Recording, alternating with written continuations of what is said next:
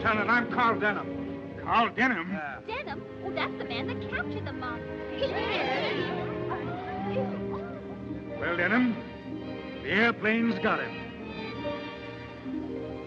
Oh, no. It wasn't the airplanes. It was Beauty killed the beast. Beauty killed the beast.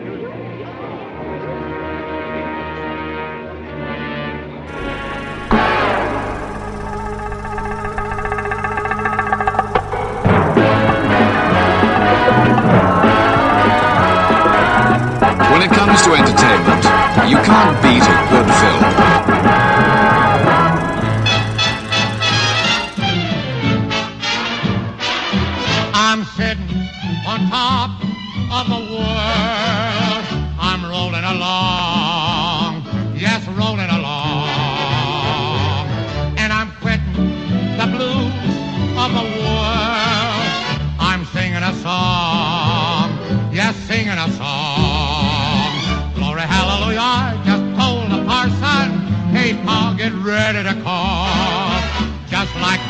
Dumpty, I'm going to fall, and I'm sitting on top of the world.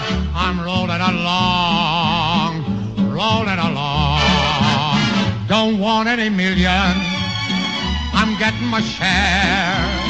I've only got one suit, just one, that's all I can wear. A bundle of money, don't make me feel gay. A sweet little honey is making me sad. And I'm sitting, sitting on top, top of the world. I'm rolling along, rolling along. And I'm quitting, quitting the blues, blues of the world. I'm singing a song, yes, singing a song. Glory, hallelujah, just told the parson, hey, I'll get ready to call. Just like Humpty Dumpty, I'm gonna fall. Yeah, I'm sitting on top of the world. I'm rolling along, yes, rolling along. And I'm quitting the blues of the world. I'm singing a song, yes, singing a song.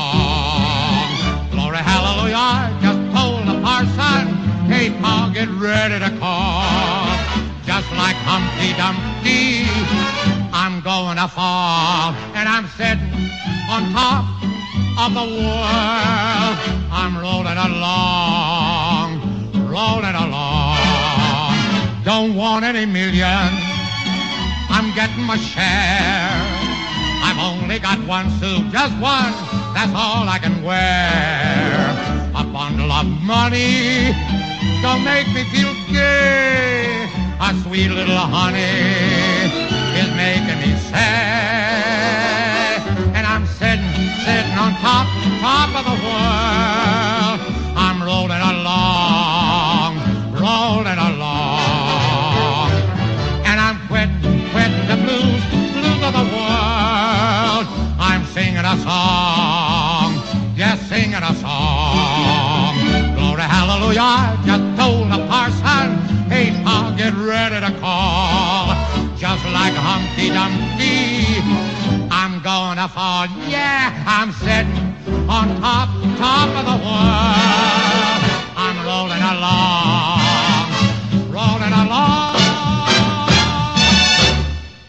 Goedemorgen, goedemiddag, goedenavond of wanneer je dan ook luistert. Welkom bij weer een nieuwe aflevering van Inglorious Rankers. De podcast waarin we films ranken, van franchise tot filmjaar, van acteur tot regisseur. In deze aflevering sta ik stil bij King Kong, mijn favoriete filmmonster. Voor de intro hoorden jullie een deel van de slotscène uit King Kong 1933 en na de intro Sitting on Top of the World, gezongen door Al Jolson. En dat nummer wordt gebruikt in de opening van de 2005 King Kong versie. Er zijn al wat reacties binnen op de post via Instagram waarin de podcast wordt aangekondigd, waaronder een van Richard Oldhoff van de podcast Filmers, ook een aanrader om eens naar te luisteren. Hij geeft aan een enorm fan te zijn van Kong en het origineel uit 1933 staat al jaren in zijn all-time top 5. Ik ben ook benieuwd waar hij de andere films dan plaatst. Rubicon 13 geeft aan geen Kong-fan te zijn, maar als hij moest kiezen gaat hij voor Kong Skull Island. Kringloop Klassiekers geeft aan voor Team Godzilla te zijn. Ik sta zeker bij Team Kong, hoewel ik Godzilla ook zeer vet vind. Zijn ranking is als volgt. Op nummer 6, 7, 8 Son of Kong, King Kong Lives en King Kong Escapes. Zijn allemaal op één hoop te gooien volgens hem. Nummer 5 King Kong 1933. Nummer 4 King Kong vs. Godzilla. Nummer 3 King Kong 1976. Nummer 2 King Kong 2005. En op nummer 1 Kong Skull Island. Mijn lijst wijkt wel een beetje af her en der. Maar dank Kringloopklassiekers voor je bijdrage, altijd leuk. Ik maakte voor het eerst kennis met deze grote aap toen ik nog heel klein was. Ik was een jaar of vier of vijf en mijn vader huurde eind jaren 70, begin jaren 80 films bij de bibliotheek. En dit waren nog geen videobanden, maar echte Super 8 films die je moest draaien op een filmprojector en projecteren op een wit doek. Hij deed het vaak op de zaterdagen en op zaterdagavond was het dan filmavond. Prachtige herinneringen. En na het douchen zat ik dan klaar in mijn pyjama, gingen de lichten uit en hoorde je het ratelen van de filmprojector en de magie was begonnen. Het liefst wilde ik dat mijn vader uh, The Empire Strikes Back uh, huurde of King Kong. En dat was dan de versie uit 1976.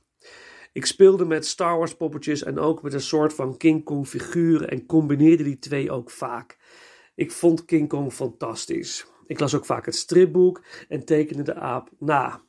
Vanaf die tijd hou ik van King Kong en ik geniet van al het nieuws wat er op het gebied van de reuze aap gebeurt momenteel. Ik kijk zeer uit naar Godzilla vs. Kong en heb genoten van Kong Skull Island. Deze aflevering is een ode aan de koning. Met veel plezier neem ik jullie dan ook mee in de geschiedenis van Kong en deel ik mijn King Kong ranking met jullie. Het gaat om acht films, dus een top 8. En voordat we gaan ranken, eerst wat achtergrondinformatie. De bron voor het ontstaan van het fenomeen King Kong ligt bij een bijzondere vriendschap. De vriendschap tussen Marion C. Cooper en Ernest B. Schutzak. Cooper, geboren op 24 oktober 1893 in Florida, was als kind al gefascineerd door dieren en avontuur. Hij ontwikkelde vooral een interesse voor gorilla's nadat hij van zijn ouders het boek Explorations and Adventures in Equatorial Africa kreeg. Door dit boek groeide ook een verlangen bij de jonge Cooper om de wereld rond te reizen en te ontdekken. Hij vocht mee in de Eerste Wereldoorlog en werkte als journalist. Na de Eerste Wereldoorlog werkte hij bij de American Relief Organization, een organisatie die zorgde voor voedsel voor eh, de door de armoede, armoede getroffen families in Europa. In Polen ontmoette hij fotograaf en mede-avonturier Ernest B. Schutzak, geboren in Iowa op 8 juni 1893. Op zijn veertiende van huis weggelopen en via allerlei baantjes terechtgekomen bij de Mac Sennett Studios, alwaar hij werk kreeg als cameraman. Hij werkte vervolgens als fotograaf tijdens de Eerste Wereldoorlog en legde ook de nasleep vast. Tijdens deze periode ontmoette hij Cooper en ontstond er een, een bijzondere vriendschap. In 1922 besloot Cooper als schrijver mee te gaan op een expeditie rond de wereld, geleid door de ontdekkingsreiziger Edward Salisbury. Tijdens deze reis stopte een van de cameramannen ermee en Cooper stelde voor om zijn vriend Ernest Schutzak aan te nemen. Dat gebeurde en dat had als gevolg dat de vrienden samen reisden en mooie dingen konden vastleggen en erover schrijven. Tijdens deze reis kregen de twee het idee om samen films te gaan maken. En samen vormden ze de productiemaatschappij Cooper Schutzak Productions. De eerste film die ze samen maakten was een documentaire. Een best indrukwekkende, uitgebracht in 1925, Grass, A Nation's Battle for Life. Deze unieke film is te zien op YouTube en ik raad je zeker aan deze te bekijken. Het hoofd van Paramount Pictures besloot de film uit te brengen. En na de première was de ontvangst positief, maar de film bracht relatief weinig geld op. De reden hiervoor was volgens Jesse Lasky van Paramount het gebrek aan een romantisch subplot. Toch besloot hij een volgend project van Cooper en Schutzak te financieren. Dat werd de film Chang, het verhaal over een baby-olifant die wordt gevonden door leden van de nabijgelegen stam. Ze binden het olifantje vast aan een hut, wat leidt tot een ramp wanneer moeder olifant samen met de kudde het olifantje komt bevrijden. Deze film werd uitgebracht in 1927 en werd een groot succes en werd zelfs genomineerd voor een Academy Award. Toch was nog steeds de meest voorkomende opmerking: je mist een romantisch subplot. Dit passen ze toe in een volgende project, The Four Feathers, uitgebracht in 1929. In deze film speelde ook de jonge actrice Faye Ray, die grote indruk maakte op de mannen. Zij zou de hoofdrol gaan vertolken in het volgende project van Schutz Cooper. Selznick, directeur van de maatschappij RKO, zorgde voor de distributie. King Kong, uitgebracht in 1933 met een mega succes en veranderde het fenomeen film voor altijd. Ook zorgde het succes voor, een, voor vervolgfilms en remakes. En zelfs nu staan we op het punt om een nieuwe King Kong film te kunnen gaan zien: Godzilla vs. Kong. Deze zal uitkomen in maart 2021. Ook zijn er verschillende spin-offs gemaakt, eh, zoals Ape, Queen Kong en Mighty Joe Young. Deze spin-offs gaan niet mee in de ranking, maar alsnog genoeg materiaal. Dus laten we snel gaan starten. Ranking Kong.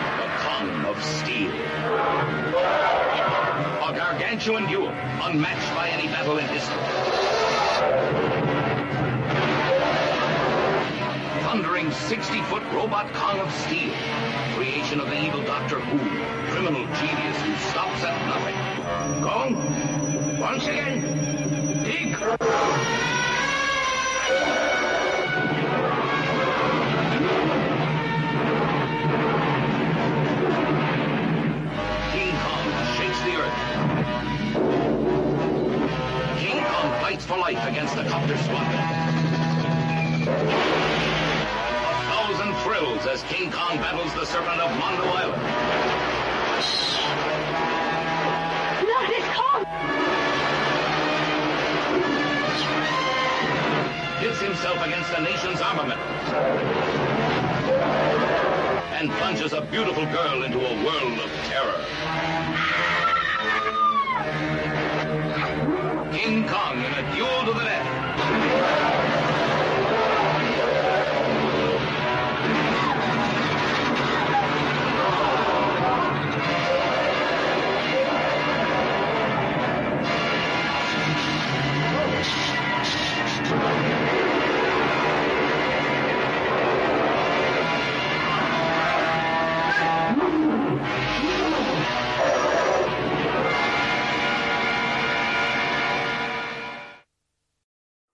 Voor de trailer van de nummer 8 hoorden jullie de main title muziek van de eerste King Kong film uit 1933, muziek door Max Steiner.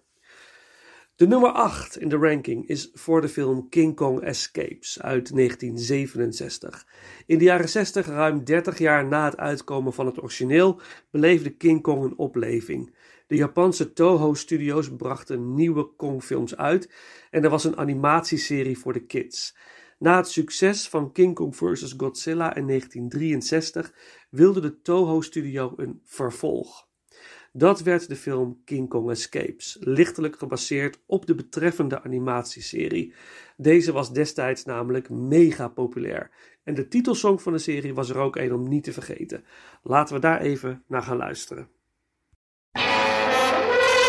King Kong, you know the name of King Kong, fame of King Kong, ten times as big as a man. One day a boy too young to know the danger made a friend of this giant fearsome stranger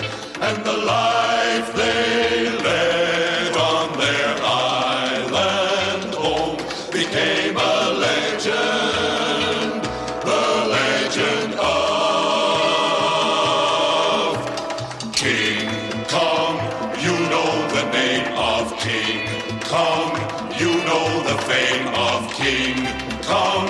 Ten times as big as a man. De kwaadaardige Doctor Who, niet te verwarren met de dokter uit de beroemde science fiction serie, wil een radioactieve steen die verborgen ligt in een berg hebben voor world domination. Samen met zijn sponsor Madame Piranha heeft hij een mega Kong gebouwd, een King Kong robot. Waarom dat per se een robot moet zijn in de vorm van King Kong is mij een raadsel, maar ik kan me zo voorstellen dat het iets te maken heeft met de eerder genoemde animatieserie, waarin ook Doctor Who een grote rol speelde. Wanneer de robot er niet in slaagt om de steen te bemachtigen, moet de dokter overschakelen naar een ander plan. Omdat de dokter weet van de enorme kracht van de echte Kong, besluit hij de grote aap te kidnappen van zijn eiland, Mondo Island, en de echte te gebruiken voor zijn snode plannen. Ondertussen heeft Kong op het eiland kennis gemaakt met lieutenant Susan Miller, die tijdens een missie strandt op het eiland.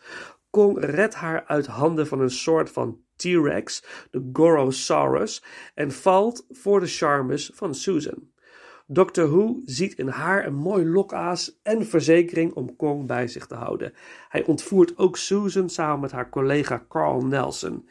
Tijdens de reis naar het vasteland ontsnapt Kong en zet koers naar Tokio, op zoek naar Susan. Dr. Who stuurt Mega Kong op hem af, wat natuurlijk resulteert in een mega battle, een spetterende en bizarre finale. King Kong Escapes is mijn minst favoriete Kongfilm. Het King Kong pak is ten opzichte van voorganger King Kong vs. Godzilla wel wat verbeterd, maar de rest van de film doet me echt niet zoveel. De overduidelijke Thunderbirds effecten zijn grappig, maar redden de film voor mij niet. Voor die tijd waren de special effects wel de moeite waard en voornamelijk kinderen zullen een geweldige tijd hebben gehad in de bios. Toen ik voor het eerst een Godzilla film zag was ik ook een jaar of 7, 8 en ik was ik ook blown away. De film is, heeft redelijk succes gehad in de bioscoop, voornamelijk als double bill met een andere kids avonturenfilm, The Shakiest Gun in the West. Een mooi eerbetoon aan de eerste Kong-film uit 1963 is de manier waarop King Kong de Gorosaurus doodt. Dit doet hij op dezelfde manier als waarop Kong de T-Rex doodt in de eerste film. Het zogenaamde openscheuren van uh, de bek. Al met al de moeite waard om eens te bekijken en zeer zeker entertaining genoeg. Op naar de nummer 7.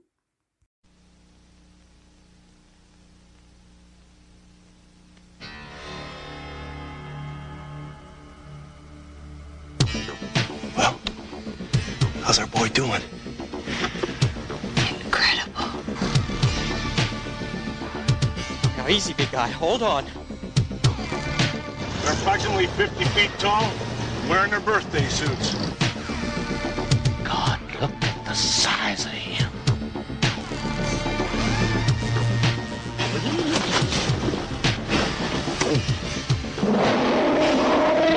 Did you say your beast is a female?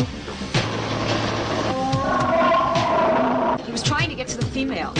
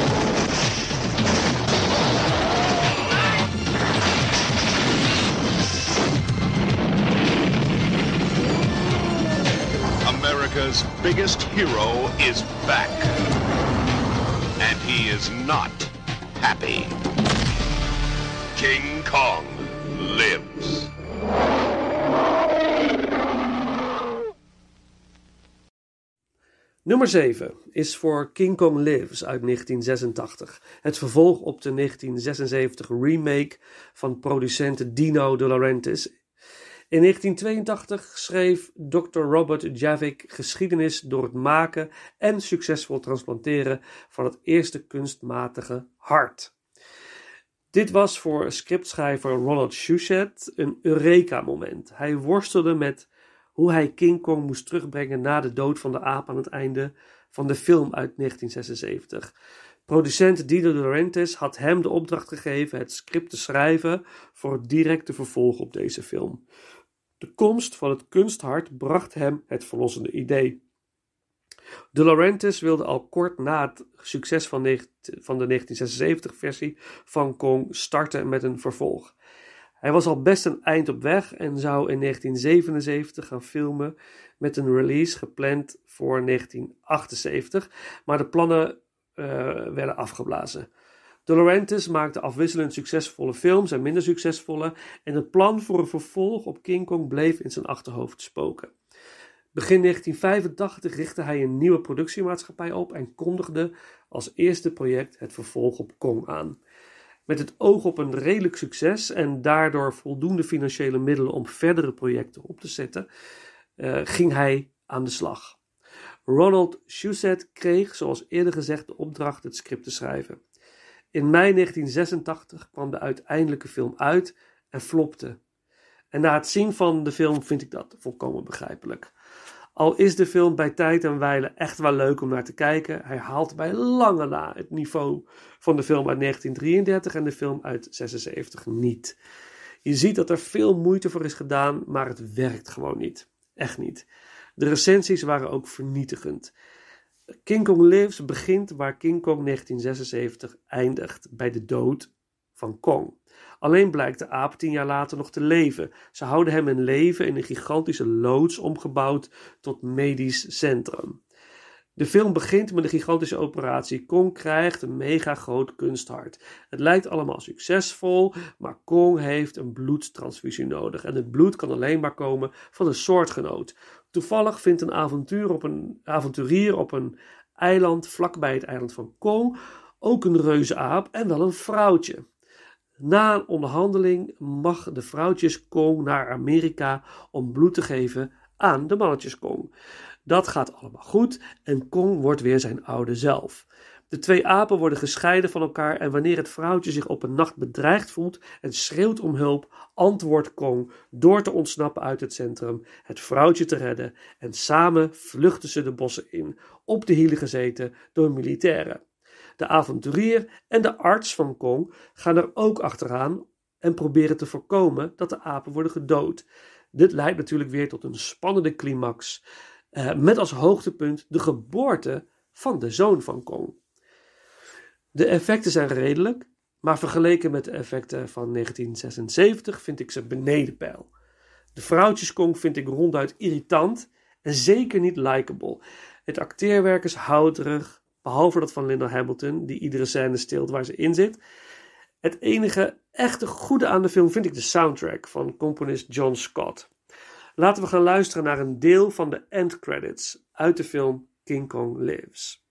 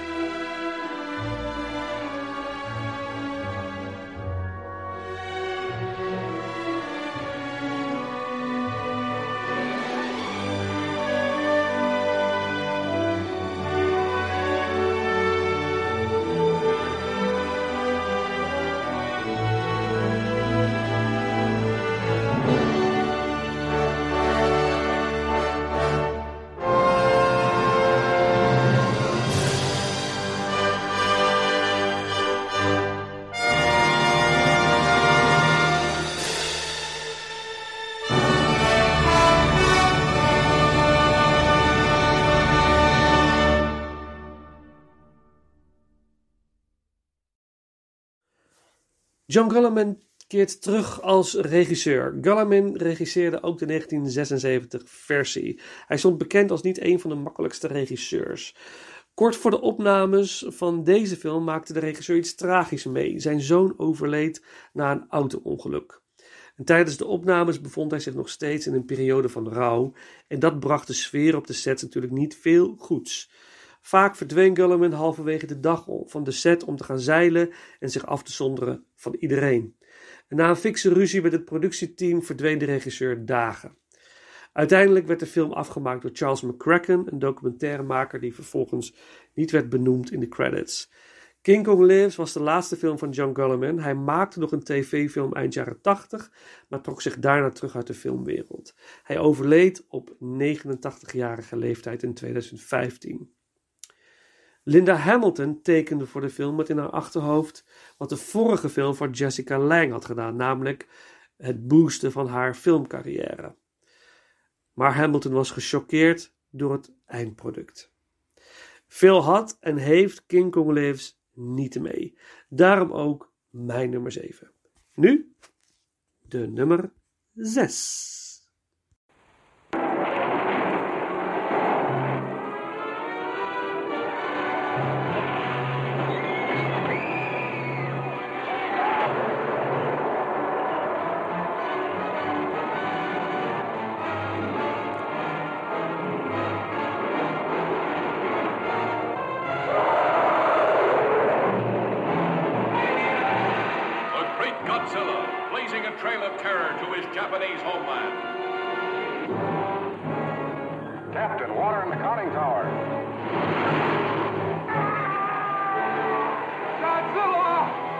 Defiance to the only enemy on Earth strong enough to challenge him. The unconquerable King Kong, giant gorilla god of this South Seas paradise, where sensuous maidens offer themselves in ritual sacrifice to his brute embrace. Godzilla has a brain about this size. He is sheer brute force. While Kong is a thinking animal. His brain is considerably larger, about ten times the size of this gorilla's skull. Being instinctive rivals, there is no doubt that they will attempt to destroy one another. King Kong versus Godzilla, heading for their colossal collision, shattering every obstacle that stands between them in the most fantastic rampage of annihilation ever recorded on film. See King Kong stamp Tokyo into the ground, holding a beautiful girl in his grasp. See Godzilla destroy an entire army. See King Kong trapped by the blazing barrier of a billion volts. But nothing, nobody can stop the great showdown when King Kong and Godzilla meet to fight for survival of the fittest.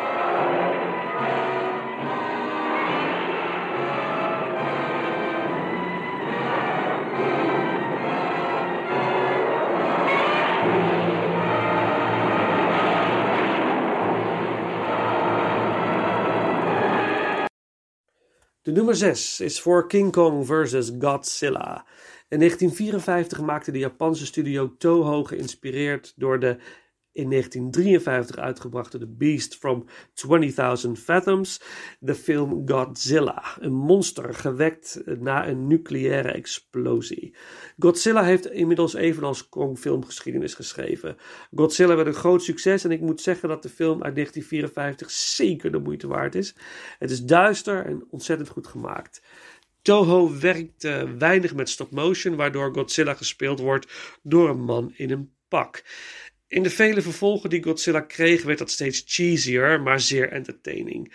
De Cajun-films, zoals de Toho monsterfilms worden genoemd, zijn zeer slecht. Los van de eerste Godzilla, maar echt fun to watch.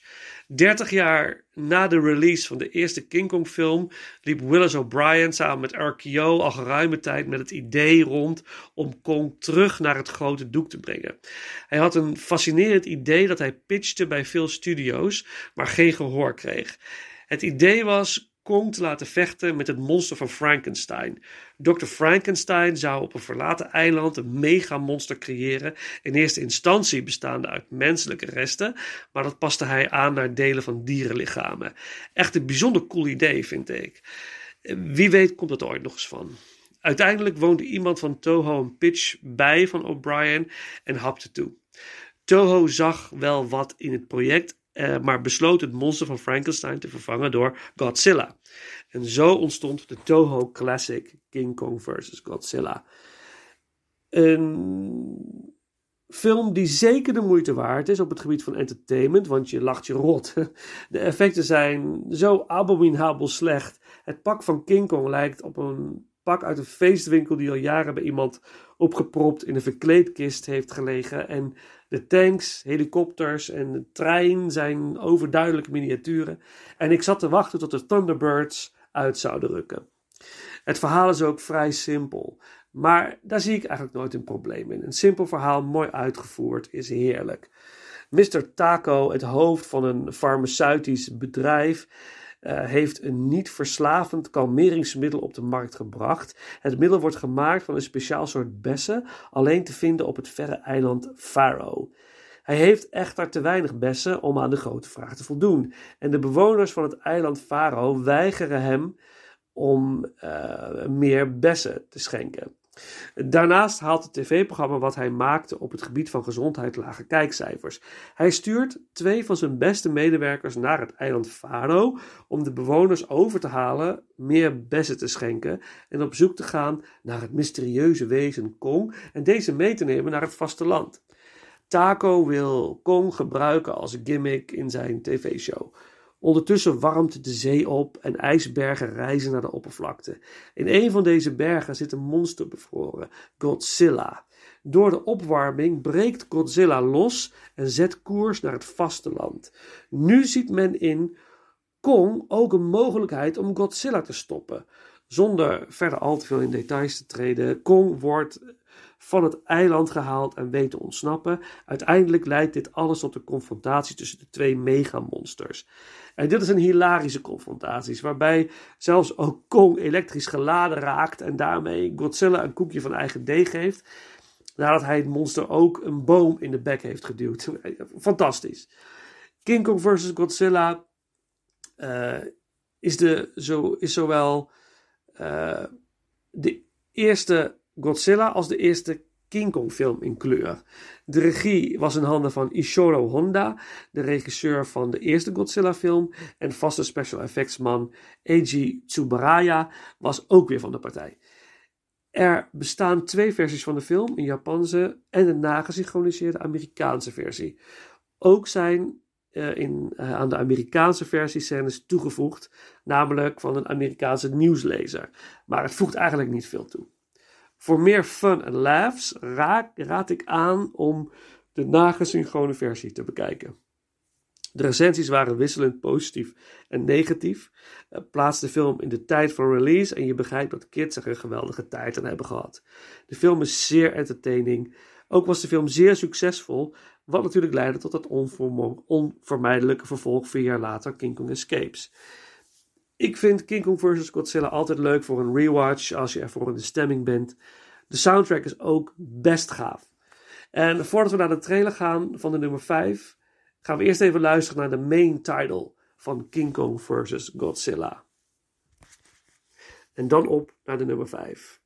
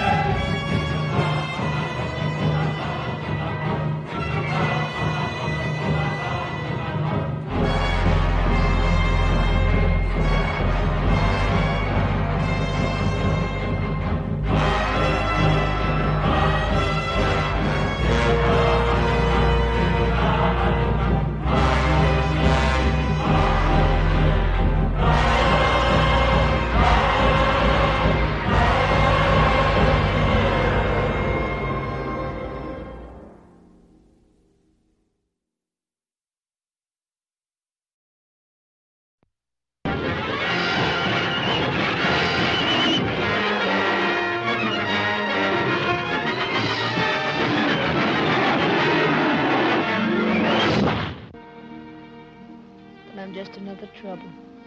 You told me not to come on the boat. Good night, kid. Good night. Ah, that's what everybody thinks who's never been there.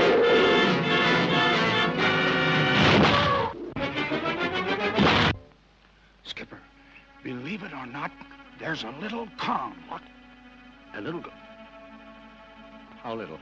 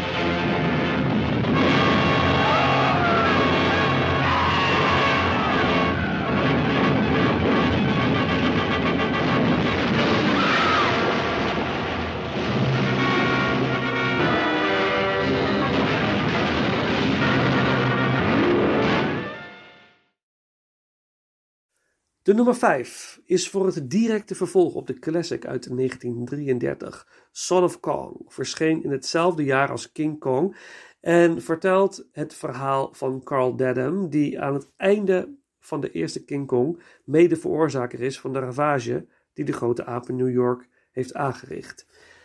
Hij heeft veel schuldeisers die achter hem aanzitten en hij worstelt met een schuldgevoel richting Kong.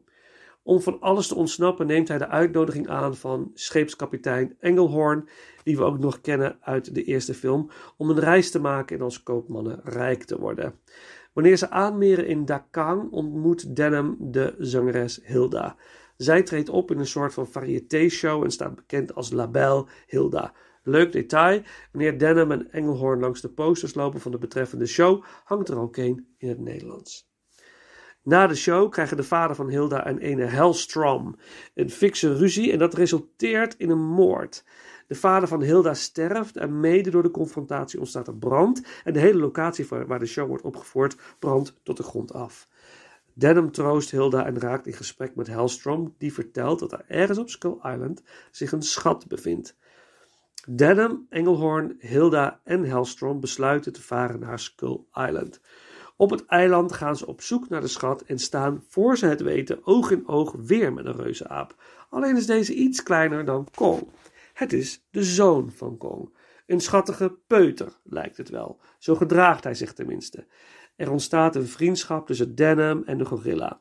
Denham ziet de kans om zich te verlossen van zijn schuldgevoel richting Kong door goed te zijn voor zijn zoon. De zoon van Kong beschermt Denham en Hilda ook tegen een aantal bloeddorstige monsters.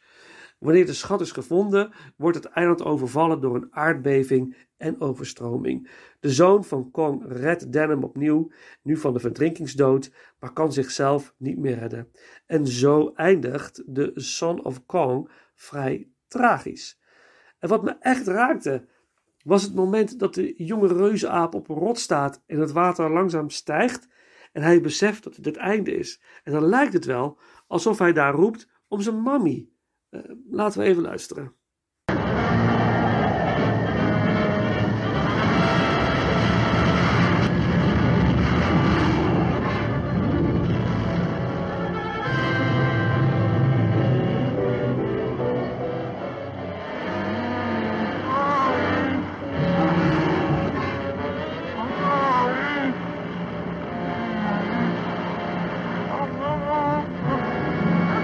Of het zo bedoeld is, weet ik niet, maar ik hoor het wel.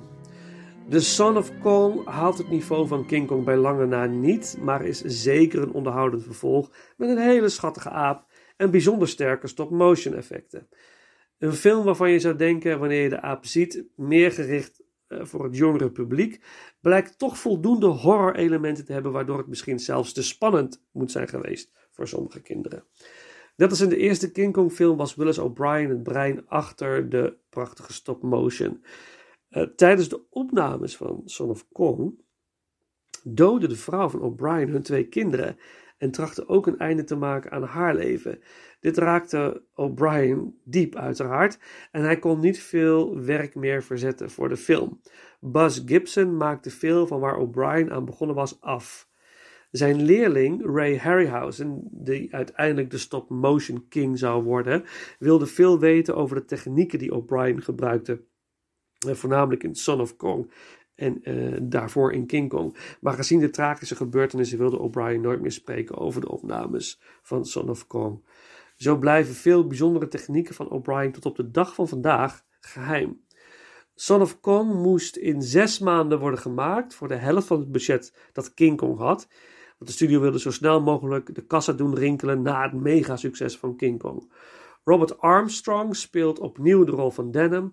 Faye Ray, die Anne Darrow speelt in King Kong, keert niet terug, maar haar gegil wel. Deze werd opnieuw gebruikt in het vervolg.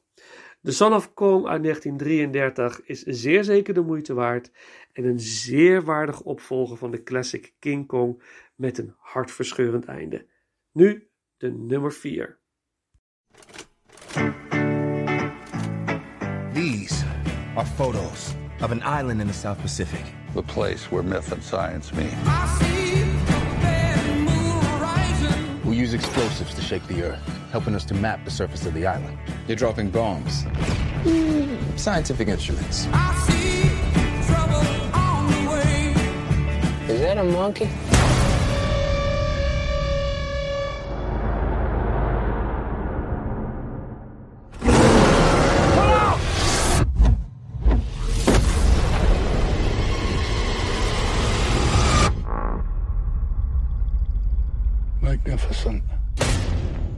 You knew that thing was out here? I'm sorry for your men, Colonel.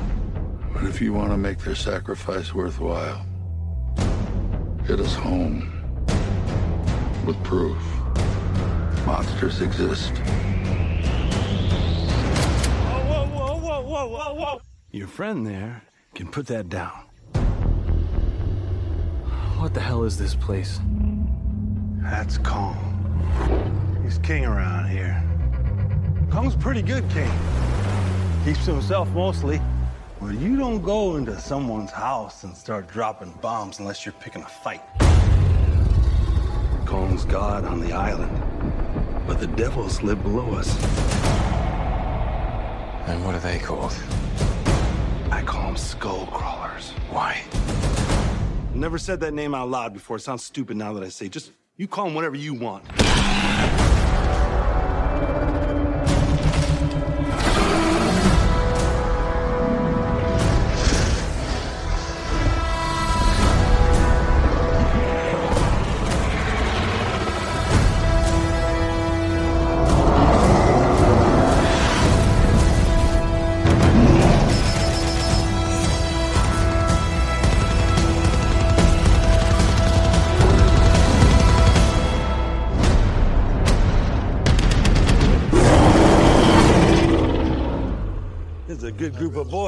All gonna die together out here.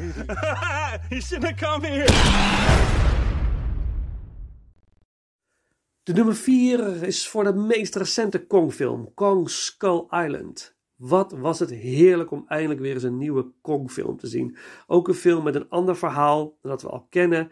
En mooi is dat Skull Island onderdeel is van een Titan-reeks. Begonnen met Godzilla in 2014, gevolgd door deze Kong Skull Island en Godzilla King of the Monsters. En uiteindelijk resulteert in een mega-climax Godzilla vs. Kong, die maart dit jaar zal verschijnen. Ik heb enorm genoten van Skull Island. Er was wel aardig wat kritiek op de film, voornamelijk scripttechnisch en dingen als te weinig diepgang en karakteropbouw. Echt, dat hoeft niet in deze serie. We willen gewoon een simpel verhaal en genieten van vechtende monsters in verbluffende CGI. En op dat gebied levert Kong Skull Island. Geweldig. De film vangt aan vlak na de oorlog in Vietnam. Bill Randa, gespeeld door John Goodman, uh, is van de organisatie Monarch en wil samen met Houston Brooks funding voor een expeditie naar een onbekend eiland verscholen achter mist. Een eiland met een heel eigen ecosysteem. Door een slinkse list krijgen ze de funding en een groep militairen onder leiding van Samuel L. Jackson die hen, om hen te begeleiden naar dat eiland. Eenmaal op het eiland gearriveerd, droppen ze bommen om de seismologie in kaart te brengen. En dit doen de militairen onder begeleiding van een grote hit van dat moment. Ah, laten we daar even naar gaan luisteren. Paranoid van Black Sabbath.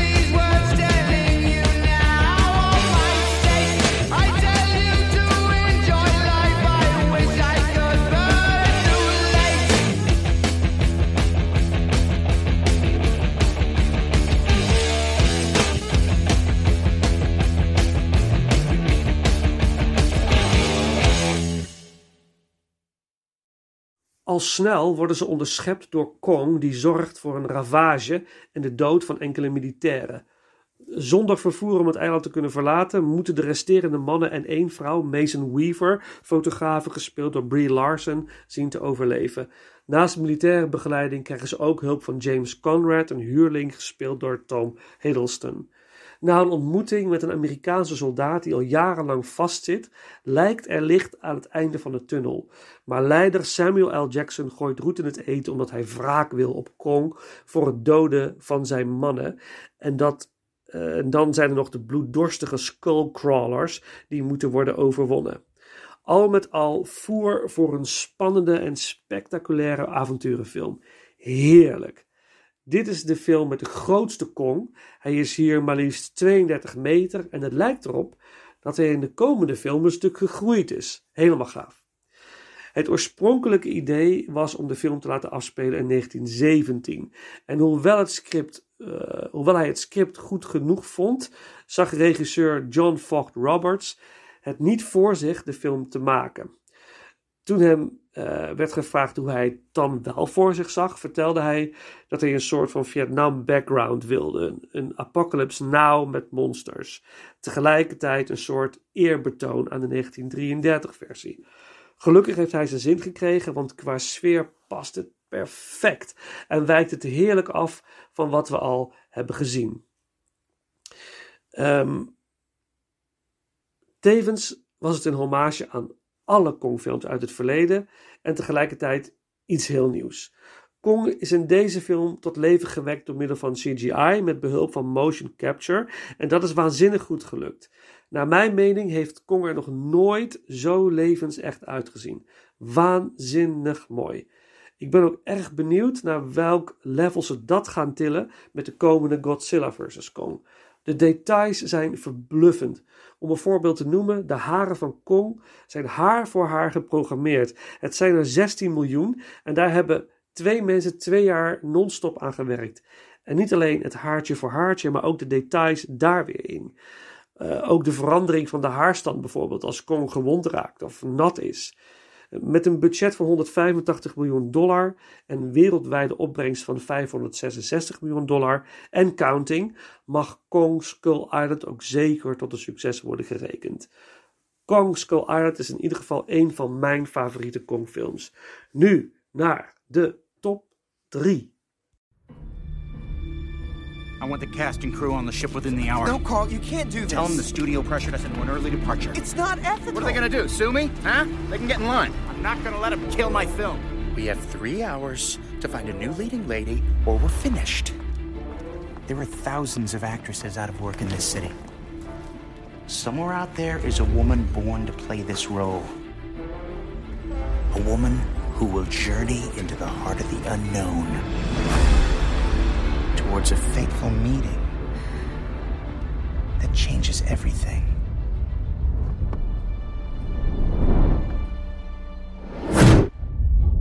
I've come into possession of a map.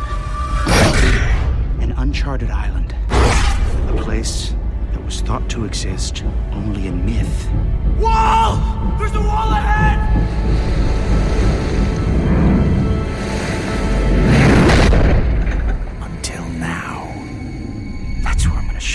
Picture. You're feeling uneasy, Anne. The feeling's growing. It's washing over you. Scream, Anne! Scream for your life!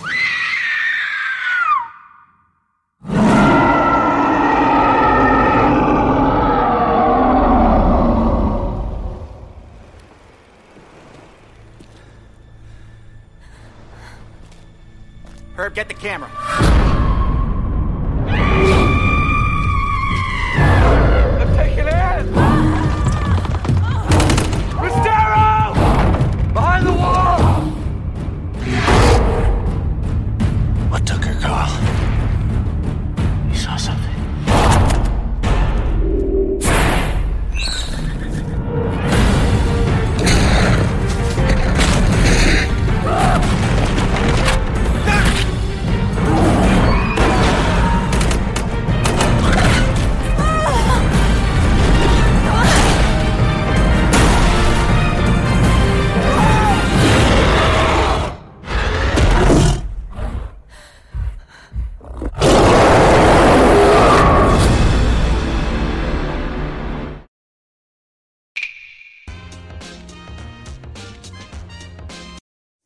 Nummer 3, King Kong 2005.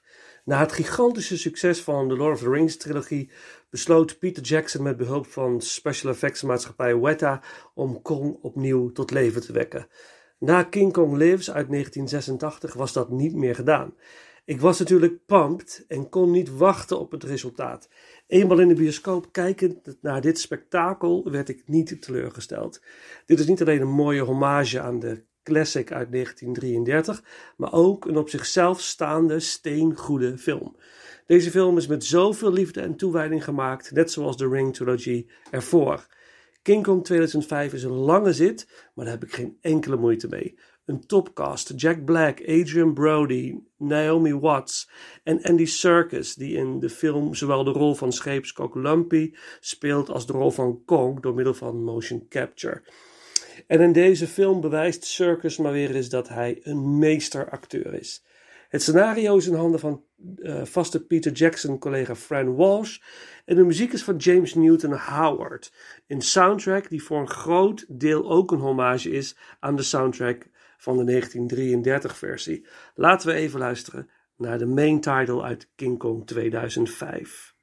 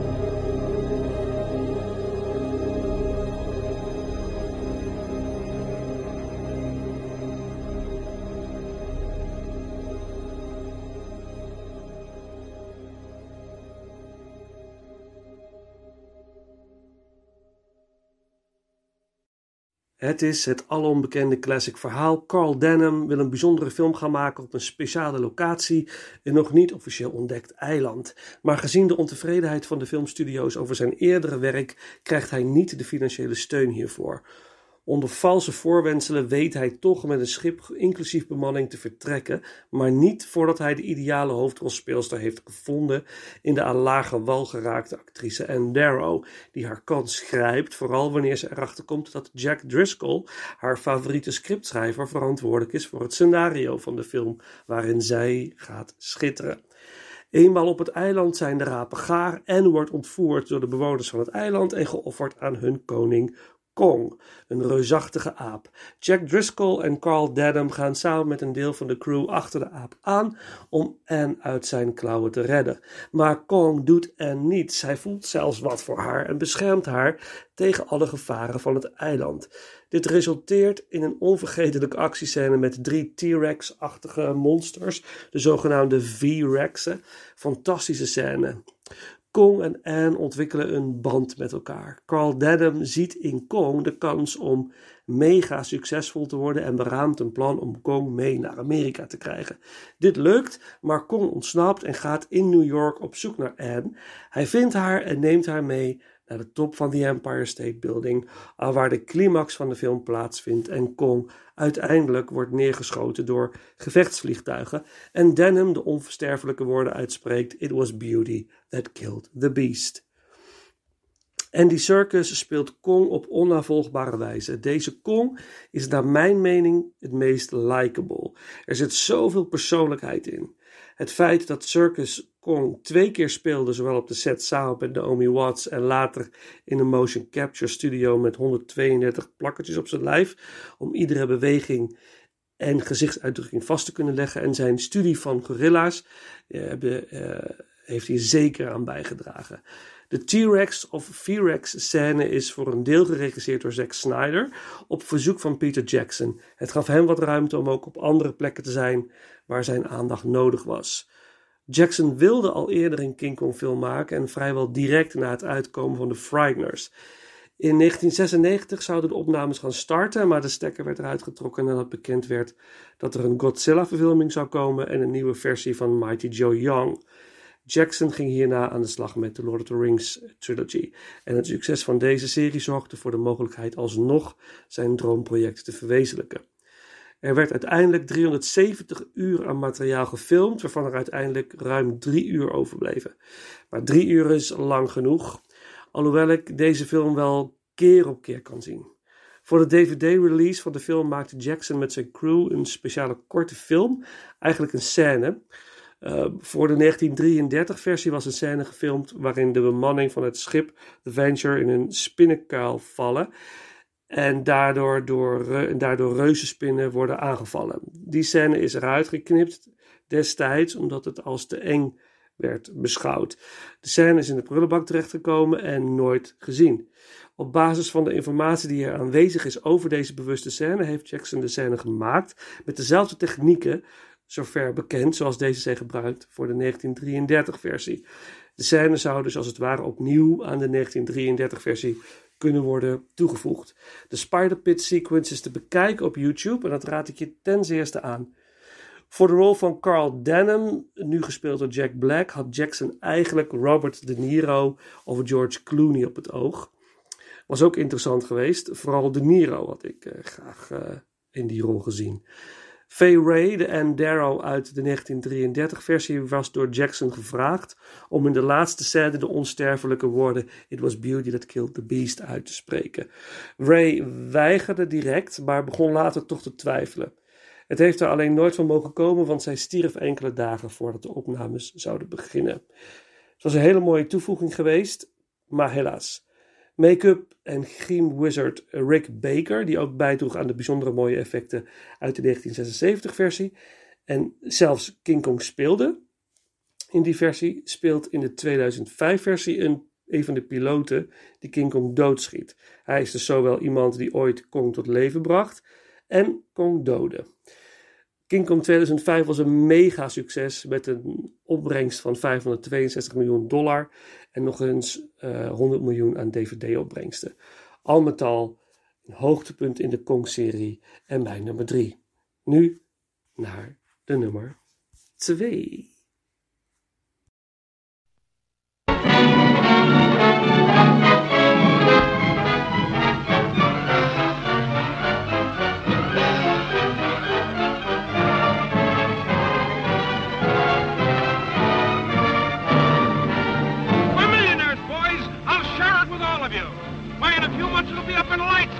On Broadway. Come, the eighth wonder of the world!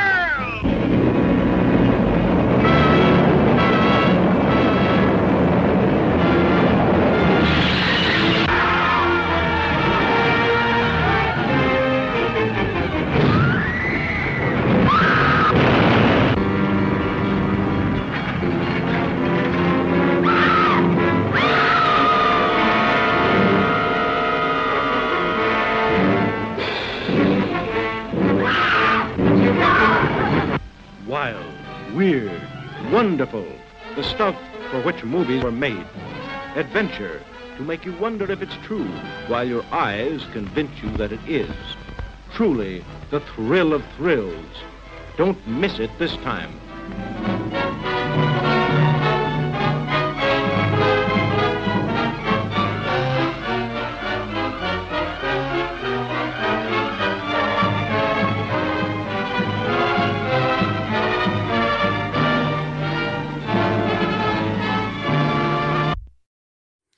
De nummer 2. Heel close met de nummer 1.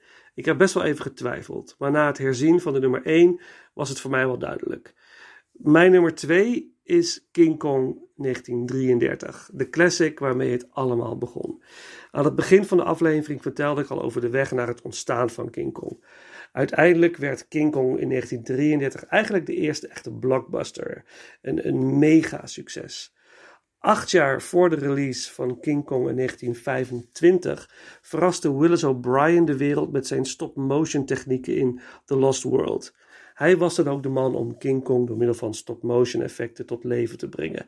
Hij gebruikte technieken die nog nooit eerder waren gebruikt en schreef filmgeschiedenis. De decors zijn zo prachtig gemaakt, want je waant je echt in een mysterieuze jungle. Als je bedenkt hoeveel werk in deze film gestoken is. Bijvoorbeeld één minuut film zou in theorie 150 uur gekost hebben. In april 1933 verscheen King Kong in de bioscoop en verwonderde en choqueerde het publiek. Kong is niet de vriendelijke aap uit de 2005-versie, maar een meedogenloos monster. Ook ontstaat er geen warme vriendschap tussen Ann Darrow en de aap. Fay Ray's gegil is onvergetelijk en bij tijd en wijle ook best een beetje irritant. King Kong 1933 is magistraal mooi en de effecten maken tot op de dag van vandaag diepe indruk. En omdat er veel verloren is gegaan, zijn niet alle geheimen ooit prijsgegeven. Het origineel topt nog steeds vrijwel alle versies die volgden. De soundtrack van Max Steiner is ook verbluffend goed. Aan het begin van de aflevering kwam de main title muziek al voorbij. En er wordt gezegd dat King Kong 1933 de eerste film is met een symphonic soundtrack. In die zin was de film dus ook zijn tijd ver vooruit op dat gebied. De film werd meerdere keren terug in de bioscoop gebracht. Vijf jaar na de release uh, in 1938 kwam er een re-release en waren de scènes die als extreem gewelddadig en erotisch waren, uh, uh, gezien waren, zijn eruit geknipt. Maar gelukkig wel weer restored. Al eerder sprak ik over de Spider-Pit scène. Aanvankelijk zat deze in de film, maar bij een voorvertoning zorgde deze scène voor werkelijke paniek uh, in het publiek, waarna werd besloten de scène definitief te verwijderen. De scène bestaat dus alleen uh, als een remake door Peter Jackson. Ook bestaat er een verhaal ooit verteld door iemand die beweert bij deze voorvertoning aanwezig te zijn geweest. En zijn verhaal is een beetje anders. De Spider-Pit scène zat er inderdaad in, maar werd weggelachen door het publiek. En uit mogelijke schaamte hebben ze de scène toen verwijderd. Ik vind het voor mezelf leuker om het eerste scenario te geloven. Er zijn mensen die uh, zeggen dat de Spider-Pit scène nooit heeft bestaan.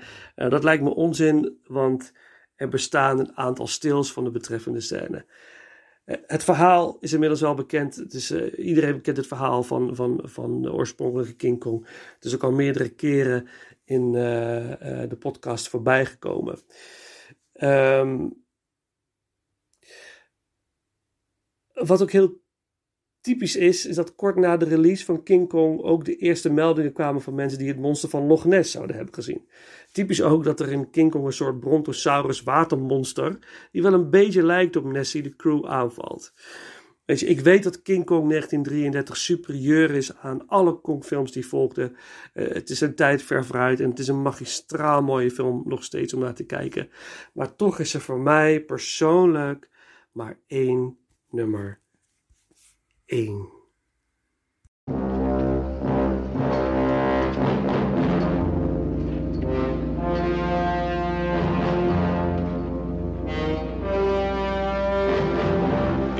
1976. The American merchant vessel Petrox Explorer has just set sail from the port of Surabaya in search of oil. What they find will shock the world. We may be sailing into the history books.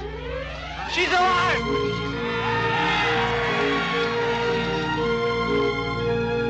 You know, maybe my luck has changed. They will discover an uncharted island that is the home of the most incredible creature on the face of the earth. A creature called Kong.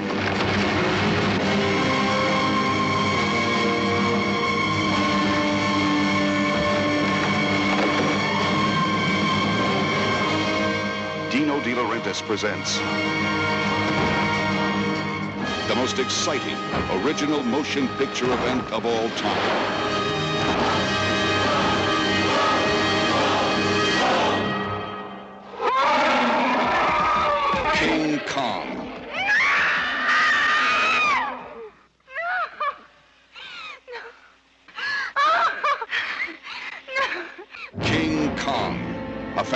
Fantastic adventure.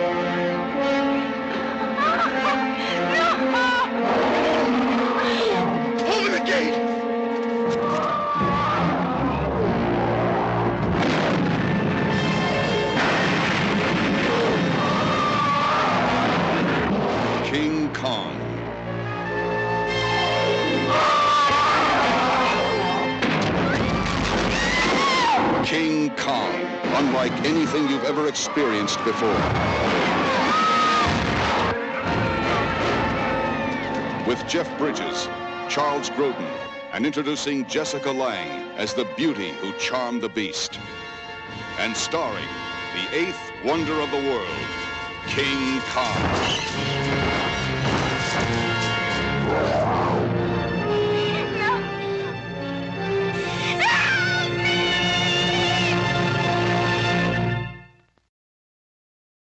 There can be only one. Er is er ook nog maar één over en dat is King Kong 1976 van producent Dino De Laurentiis en regisseur John Gullerman. Make-up effects door Carlo Lombardi en nieuw in het vak destijds Rick Baker. De film is uitgekomen mijn geboortejaar en zoals ik aan het begin van de aflevering al vertelde, heeft deze film ook een enorme nostalgische waarde. Ik hou van alles aan deze film. Ik kan er enorm van genieten. En bij het herzien van alle Kong-films vond ik het heel spannend om te zien of deze versie nog steeds mijn favoriet zou zijn. En na het herzien van de 1933-versie dacht ik echt dat het zou veranderen. Maar deze film had ik echt voor het laatst bewaard. En het blijkt dat deze versie nog steeds mijn all-time favorite is. De soundtrack is ook naar mijn mening de mooiste van alle Kong soundtracks. Meesterlijke score van John Barry. Een van mijn favoriete, nee, misschien wel mijn favoriete filmcomponist. Hij heeft zoveel prachtig werk afgeleverd en door zijn score wordt een film zeker naar een hoger niveau getild. Denk aan de vele Bond soundtracks, Out of Africa, Dances with Wolves en ga zo maar door. Ook de soundtrack van King Kong 1976 is magistraal en sfeervol. Laten we even naar een track gaan luisteren. Het moment dat de crew de jungle ingaat op zoek naar Dwan, het meisje dat door Kong is meegenomen.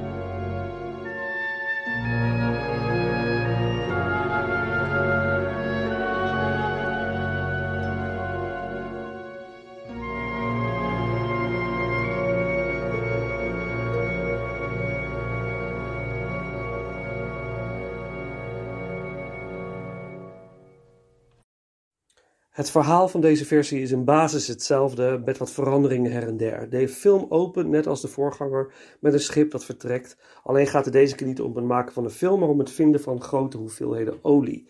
De eigenaar van oliebedrijf Petrox, Fred Wilson, heeft ontdekt dat er een nog niet ontdekt eiland bestaat achter een wolk van mist, alwaar zich mogelijk grote oliebronnen bevinden.